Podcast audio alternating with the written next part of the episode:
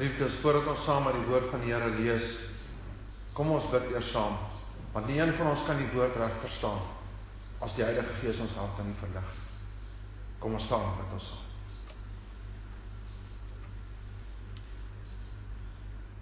Ons almagtige drie-enige God. Majesteit, glansryke heerlikheid. Heilig, heilig, heilig is U. Ons wil vrolik sing.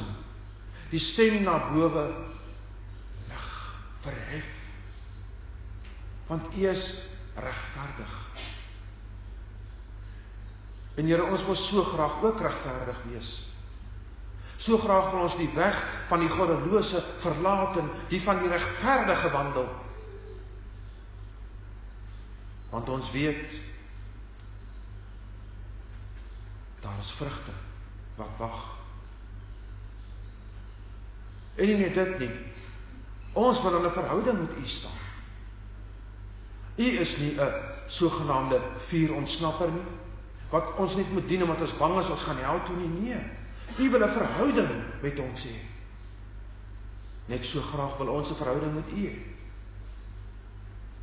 Daarom kom ons vanmôre en ons grootmoedig ons voor U met die wete dat ons so dikwels so maklik struikel. Maar ons dank U uit die diepte van ons harte, Here Jesus, dat U daardie sonde wegneem. Dis so pas gesing het, selfs as ek struikel, hy sal vergewe. Daarom pleit ons dat U vanmôre ons harte, ons ore, ons oë en ons verstand sal open wanneer ons nou hier uit U woord uit gaan lees. Dat ons hier sal raak sien hoe 'n afskeid u het in die weg van die goddelose. Maar dat ons ook sal raak sien wat 'n vreugde u vind in die regverdige. Ons bid dit alles in die naam van hom wat is. Hom wat was en wat kom. Die ewige koning Jesus Christus. Hy wat die volmaakte voorbeeld van vir ewig regverdig vir ons kom wys het. En hy wat sy lewe gegee het sodat ons ook Maak nie saak hoe nietig en sondig ons is nie. Regverdig verklaar kan word.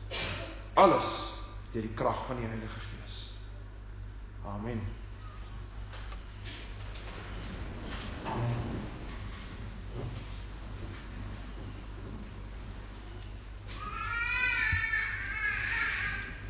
Geliefdes, ons skriflesing vanmôre vind ons van Jesaja 3 vers 1 tot 26. Jesaja 3 vers 1 tot 26.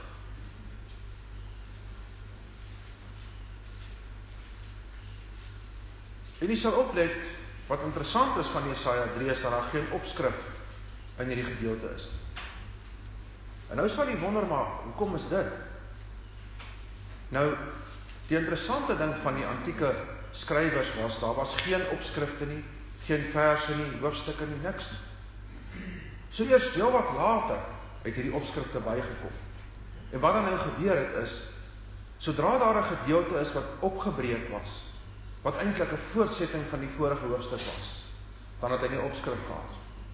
So wanneer u 'n gedeelte sien en daar's nie opskrif nie, beteken dit dis 'n voortsetting van die vorige hoofstuk. En wanneer Jesaja hier met die volk praat, kom maak hy 'n baie ernstige oproep Hy kom skets vir hulle wat hulle mee besig is. Maar hy doen dit nie omdat hy hulle wil veroordeel en wil wegjaag nie. Hy doen dit omdat die Here vir hom wil kom wys waar skiet hierdie volk.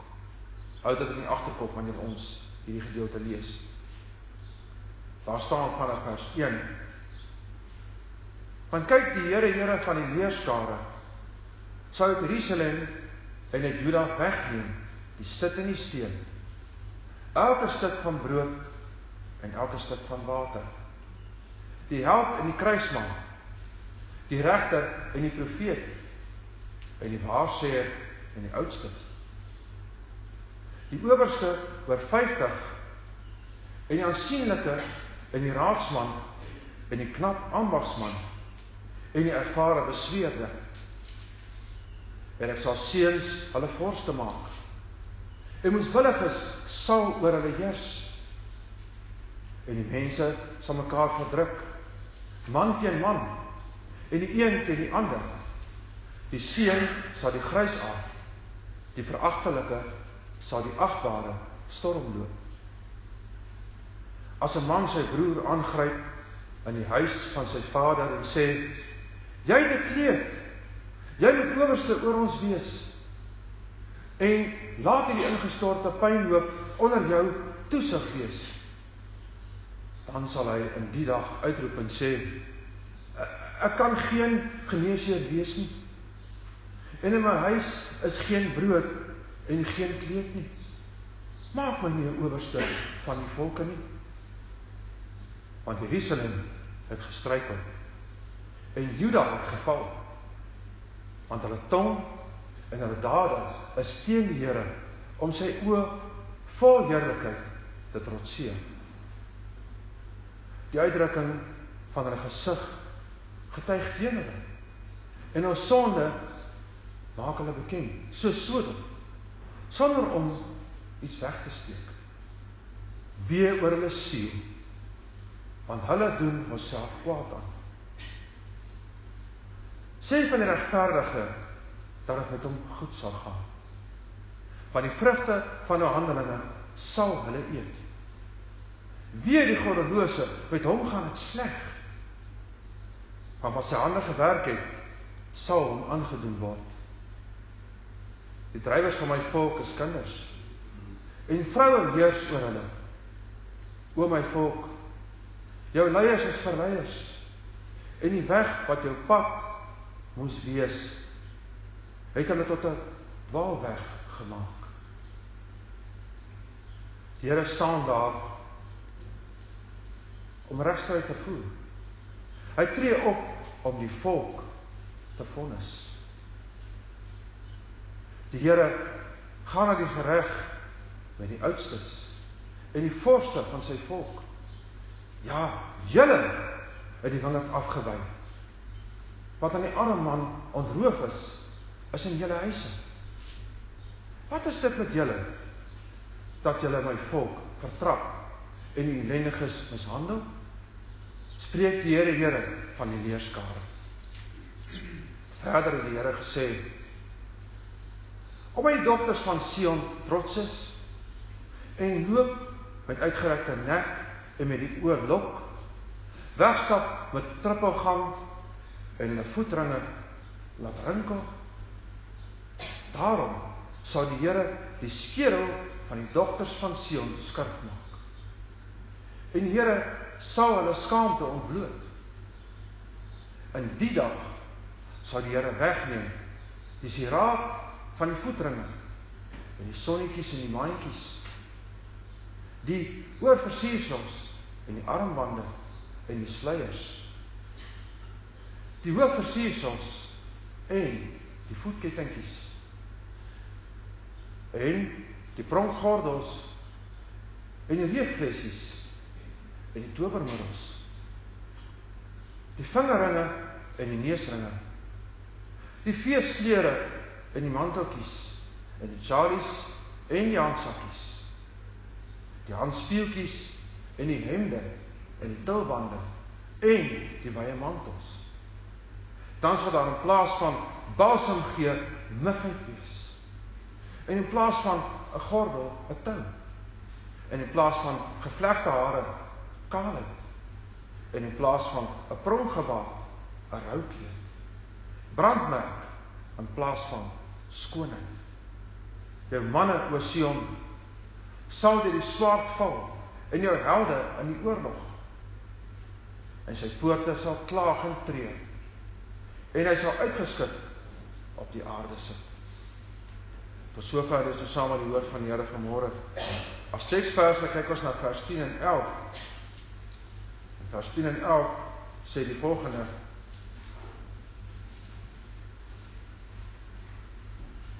Sê van die regverdige dat dit met hom goed sal gaan van die vrug van hul handelinge sal hulle eet. Wie die goddelose, met hom gaan dit sleg. Want wat sy hande gewerk het, sal hom aangedoen word.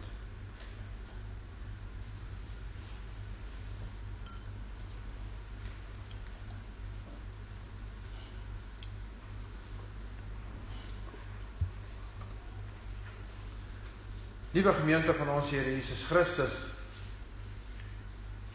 daar's net twee soorte mense op hierdie aarde.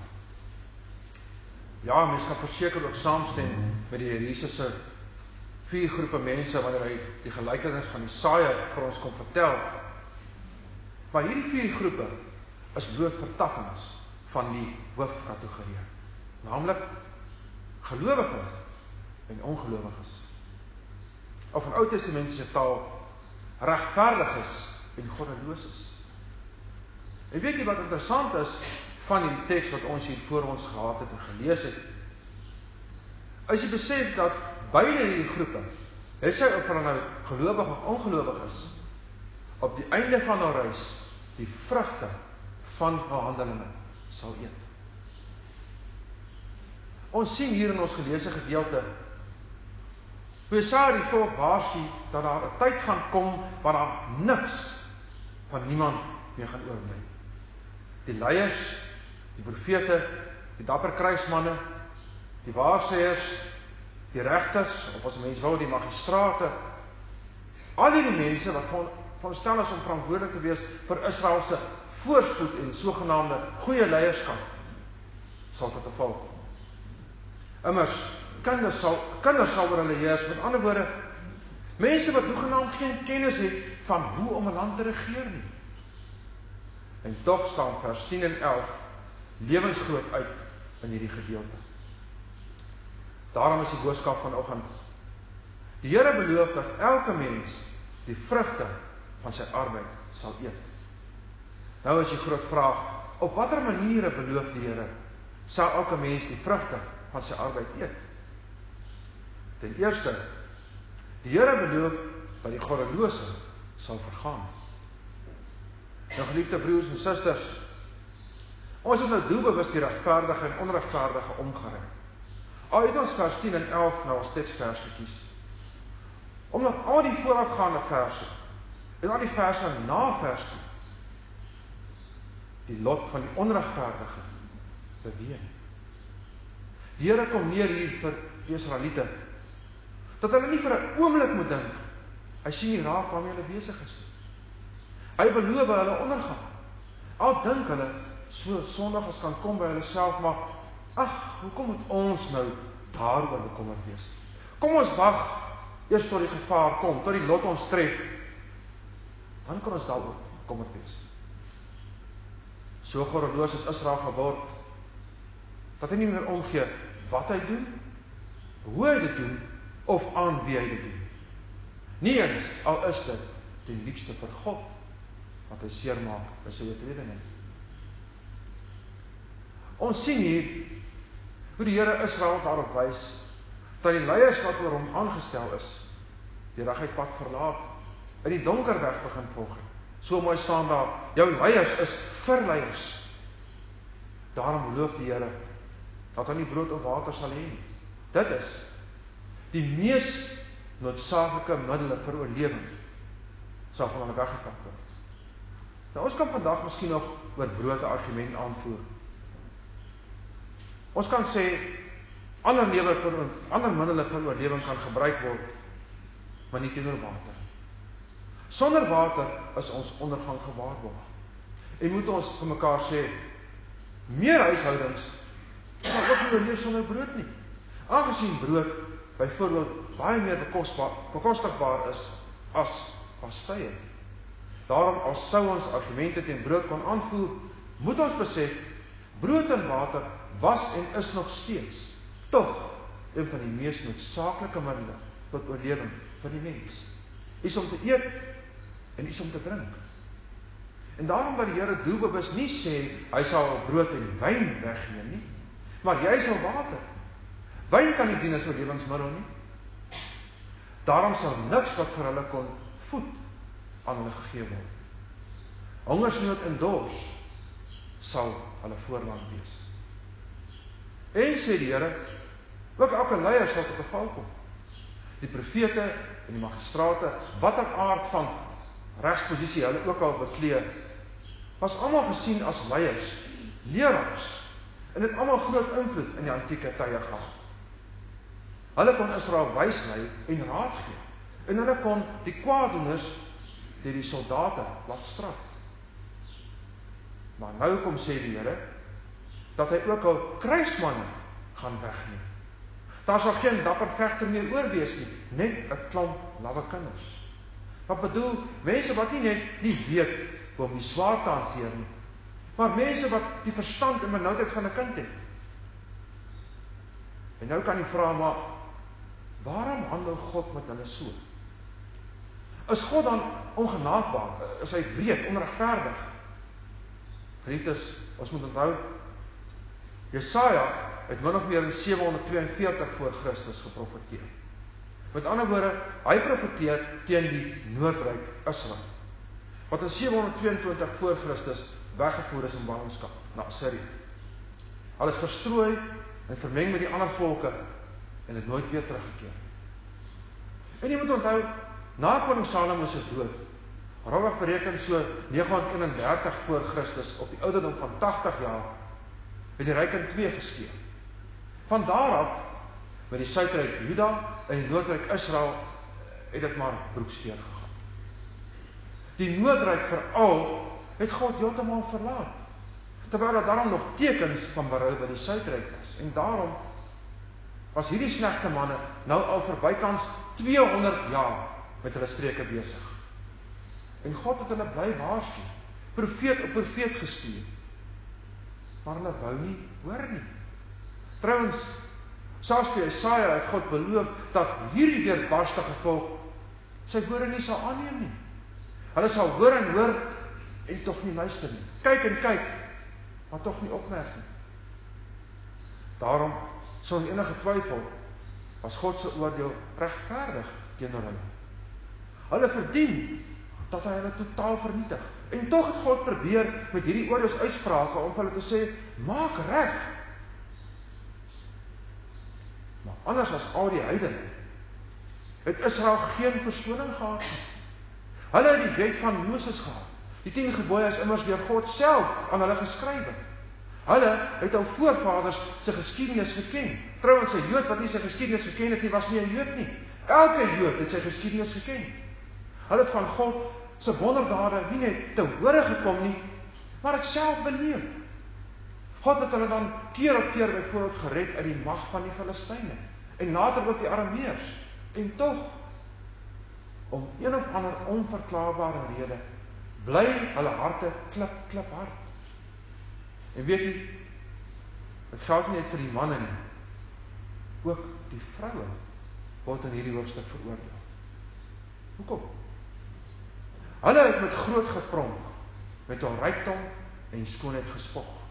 Al het hulle geweet dis on, uit ongeregtigheid verkry. Dis een ding om te spog met jou rykdom, as dit nog uit ongeregtigheid verkry is en jy spog nog steeds daarin. Sjoe. Daarom waarsku die Here hulle, julle gaan val. Julle rykdom en skoonheid en heerlike geure sal van julle weggeneem word. Dit sal word, dit sal kaalheid word op julle hoofde. Kafyn sê, daar's eintlik niks ergers as mense wat ten spyte van dat God self hulle sonde vir hulle uitwys, nog steeds daarin volhard. Dan lyk dit asof daar byna geen hoop meer vir dusdanige mense oor is. Want sê Kafyn, dit mag lyk op die goddelose, maar dieselfde lot oorkom as die regverdige siekte, pes, hongersnood, oorlog, verwerping, sukses, die dood self. Maar op die ou end is daar tog 'n reuse verskil. Hy wat goddeloos is en met God spot, sal sy verdiende straf, die ewige hel se vuur, sonder enige twyfel ontvang. So dan raak die lot van die goddelose tog anders as die van die regverdige. Al lyk dit aasgewys nie so nie. Al lyk dit asof die goddelose floreer op hierdie aarde.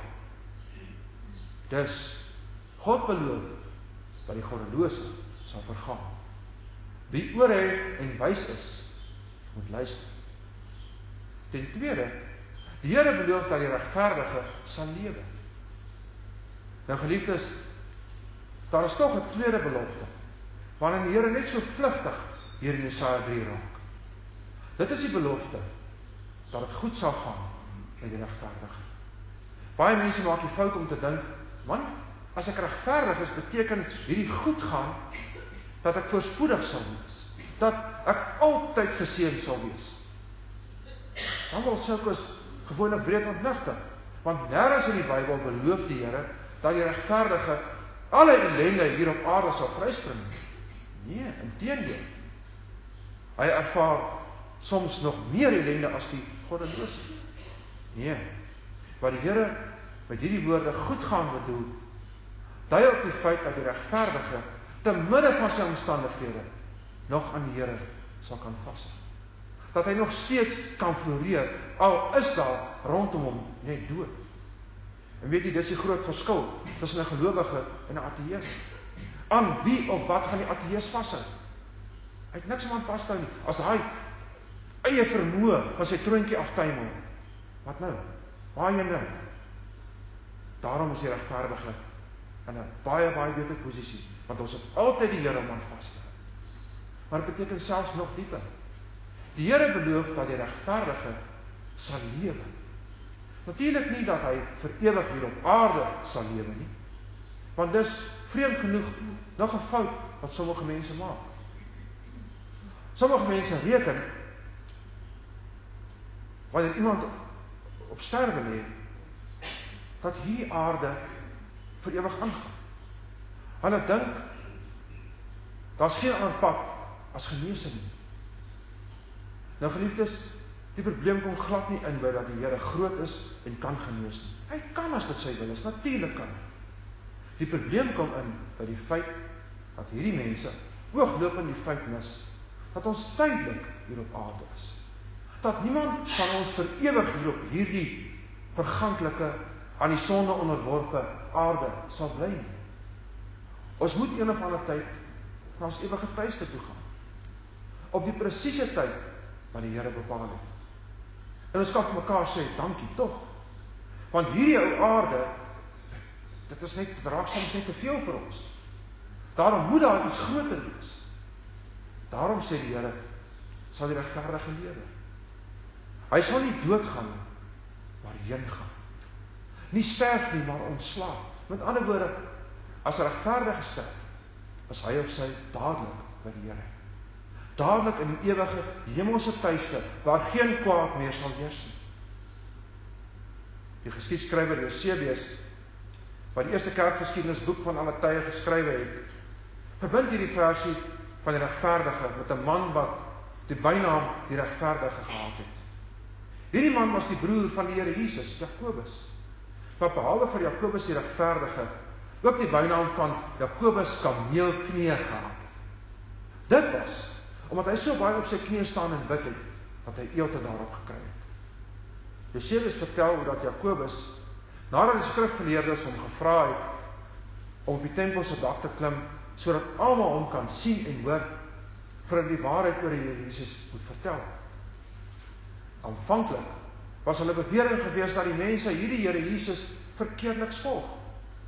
Maar hulle wou nou hoor wat sê Jakobus die regverdige want na hom sou hulle luister niks vermoedend oor hulle bose plan klim Jakobus toe op die tempel se dak.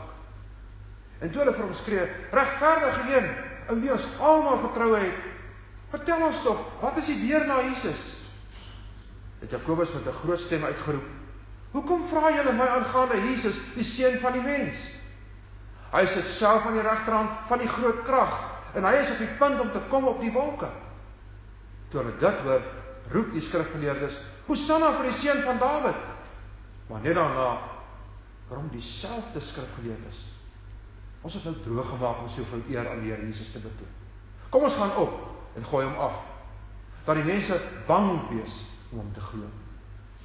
Hulle roep toe uit: "O, die regverdige man is ook kan nie dwaal." En hulle gaan op en gooi hom bo van die tempel se dak. Toe hulle Jakobus egter afgegooi het, het hulle mekaar gesê om hom te stenig, want hy was nog nie dood met die val nie. Jakobus het op sy knieë geval en gebid: "Ek smeek U, Here, God ons se Vader, vergeef hulle, want hulle weet nie wat hulle doen nie." Hoor U die presiese woorde van die Here Jesus aan die kruis. Een van die omstanders 'n priesterlike afstammeling roep toe uit: "Stop! Die regverdige man bid vir julle." Waarop in plaas van hom te stop, een man nader staan en hom te stop oor die kop doodslaan. So sê Jesaja, het hulle die gedeelte wat ons saam gelees het, Jesaja 3 vers 10 vervul. Wat in die Griekse vertaling lees: Kom ons vat die regverdige man weg, want hy maak moeilikheid vir ons. En hulle sal die vrugte van hulle arbeid eet. Nou geliefdes, hoe weet is die mensdom?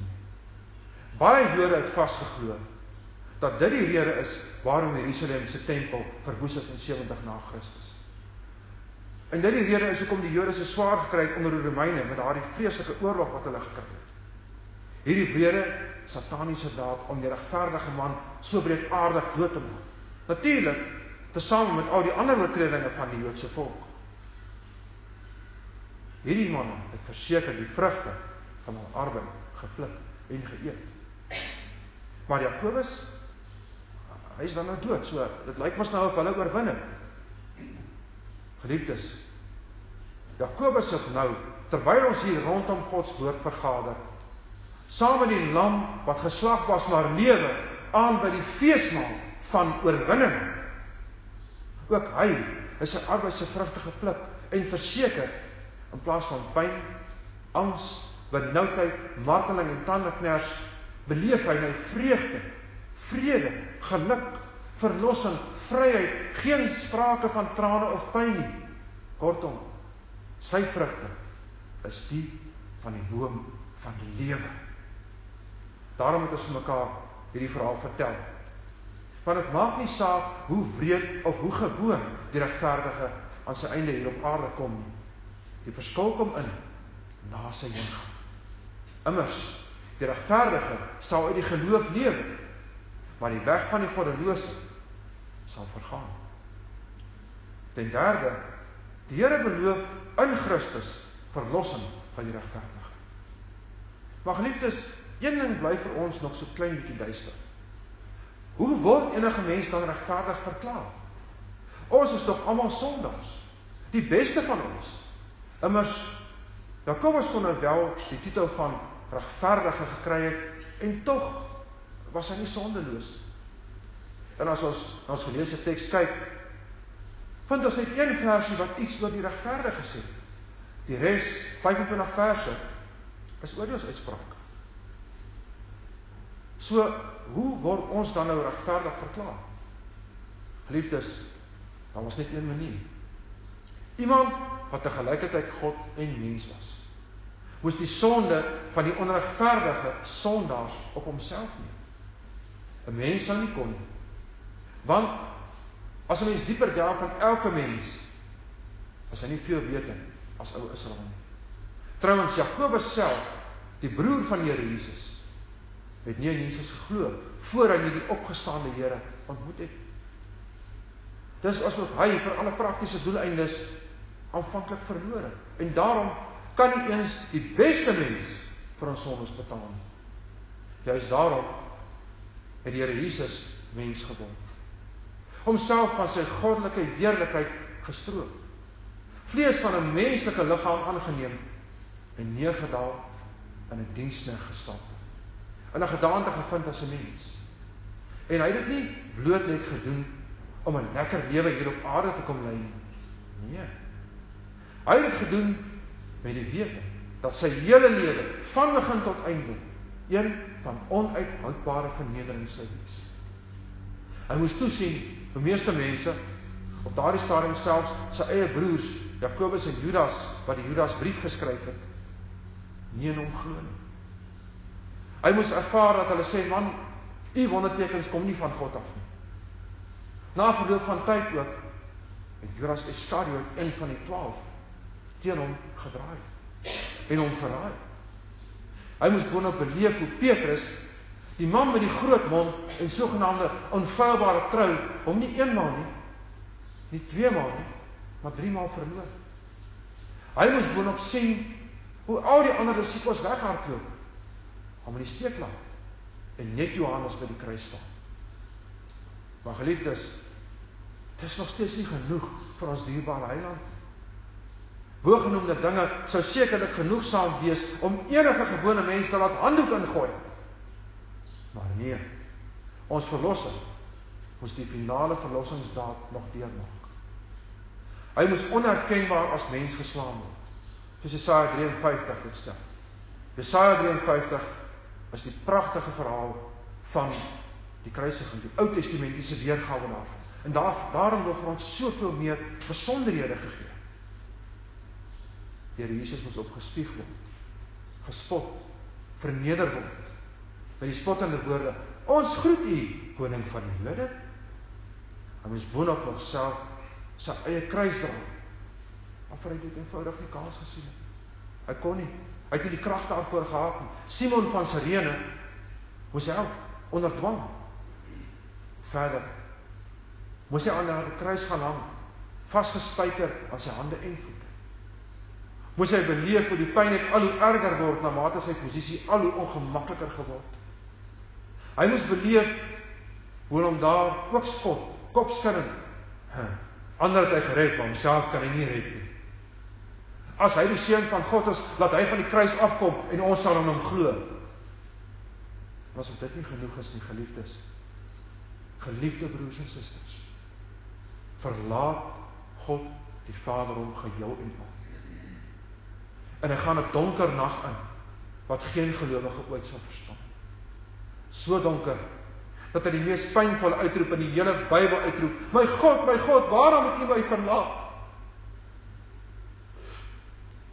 Hy het nie eens die krag gehad om die hele Psalm 22 te sing nie. Waar het hy hierdie woorde aangehaal? Hy haal net daardie stukkie aan, maar dis al wat voor hy krag gehad en hy naroep by sy laaste woorde. Dit is volbring. En hy sterf. Maar geliefdes, wat volbring was, was dat Here Jesus die offer aan die Vader betaal het. Vlekkeloos, sonder enige sonde.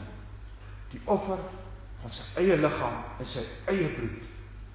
En daarom het die Gees hom weer opgewek na die derde dag sodat hy nie dood gegaan het en dood gebly het nie maar met sy opstanding die dood, die Satan en die sonde vergoed oorwin het. Daar is selfs meer. Dit beteken vir ons dat ons eie opstanding na ons heen gaan gewaarborg is. Dat ons nou alreeds van die Satan verlos is. Al probeer hy nog hoe hard om ons in sy kloue te kry. Dat ons nou ook van die sonde verlos is. Al is dit so dat ons daagliks sondig. Dit beteken ook dat ons nou alreeds die ewige lewe het. Al moet ons nog uit hierdie wêreld ontslaan. Geliefdes, in kort sê ons vir mekaar as Christus na ons kyk, sien hy nie meer die ou onregverdige sondaar mens wat geneig is om God en sy naaste van nature te haat. Hy sien die nuwe mens in Jesus Christus wat hy self vlekkeloos regverdig voor sy troon verklaar het. Hy is daarom al leef ons vandag in 'n land wat nie veel beter is as ou Israel nie. Leef ons met 'n hoop wat nie beskaam nie. Die hoop met 'n hoofletter. Jesus Christus. Daarom kan ons weet die vrugte wat die Here Jesus vir ons as regverdiges moontlik maak is nie die bitter einde van 'n tragiese dood of die ergste om in die hel te beland en nooit weer daar te kan uitkom nie. Nee. Die vrugte wat die Here Jesus ons gee as beloning vir ons goeie arbeid is niks anders nie as die ewige lewe. En hy gee dit nie omdat ons werke ons kan red nie. Maar hy gee dit omdat soos Jakobus ons leer, geloof sonder werke dood eenvoudig dood is.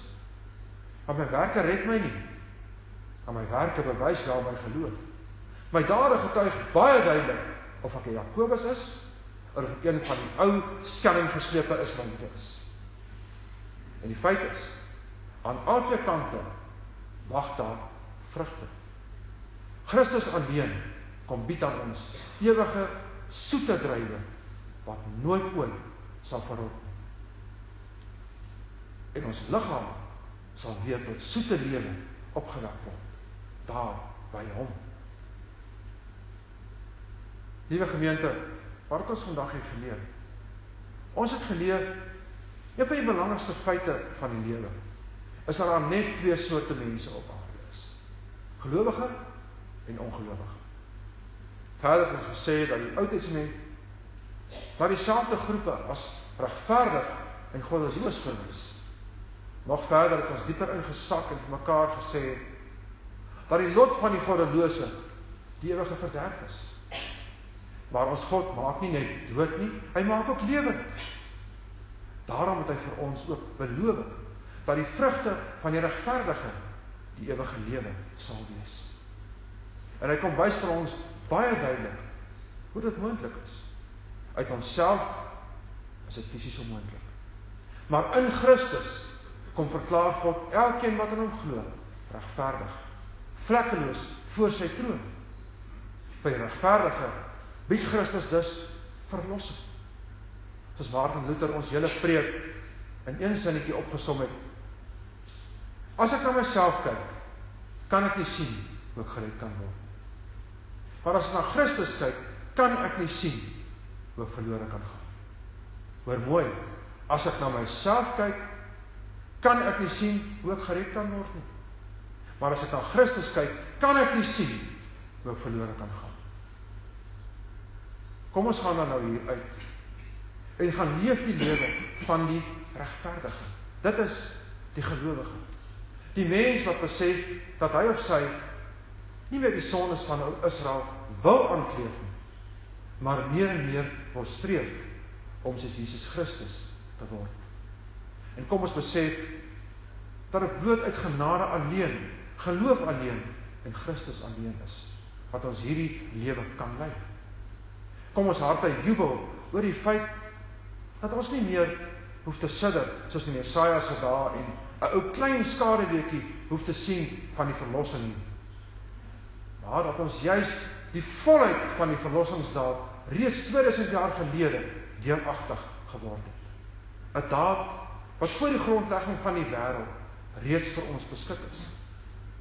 Want die regverdige sal in Christus die vrugte van sy arbeid eet die soet vrugte van die ewige lewe. Amen. Kom ons bid saam.